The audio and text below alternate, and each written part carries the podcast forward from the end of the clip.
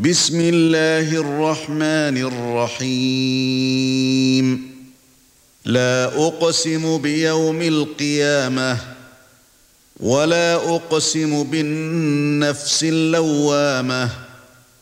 أيحسب الإنسان أن لن نجمع عظامه؟ بلى قادرين على أن نسوي بنانه. بل يريد الإنسان ليفجر أمامه يسأل أيان يوم القيامة. فإذا برق البصر وخسف القمر وجمع الشمس والقمر يقول الإنسان يومئذ أين المفر؟ كلا لا وزر. إلى ربك يومئذ المستقر. ينبأ الإنسان يومئذ بما قدم وأخر بل الإنسان على نفسه بصيرة.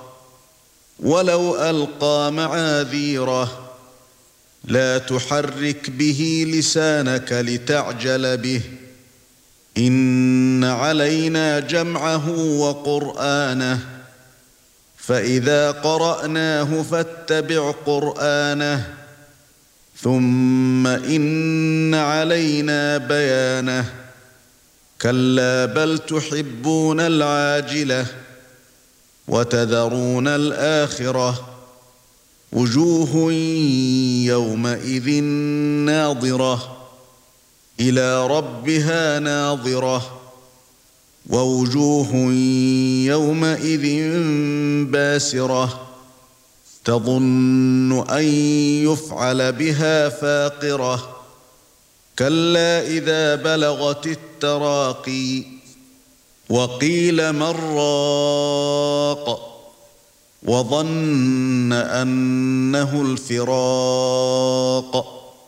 والتفت الساق بالساق إلى ربك يومئذ المساق. فلا صدق ولا صلى ولكن كذب وتولى ثم ذهب إلى أهله يتمطى. أولى لك فأولى ثم أولى لك فأولى. أيحسب الإنسان أن يترك سدى؟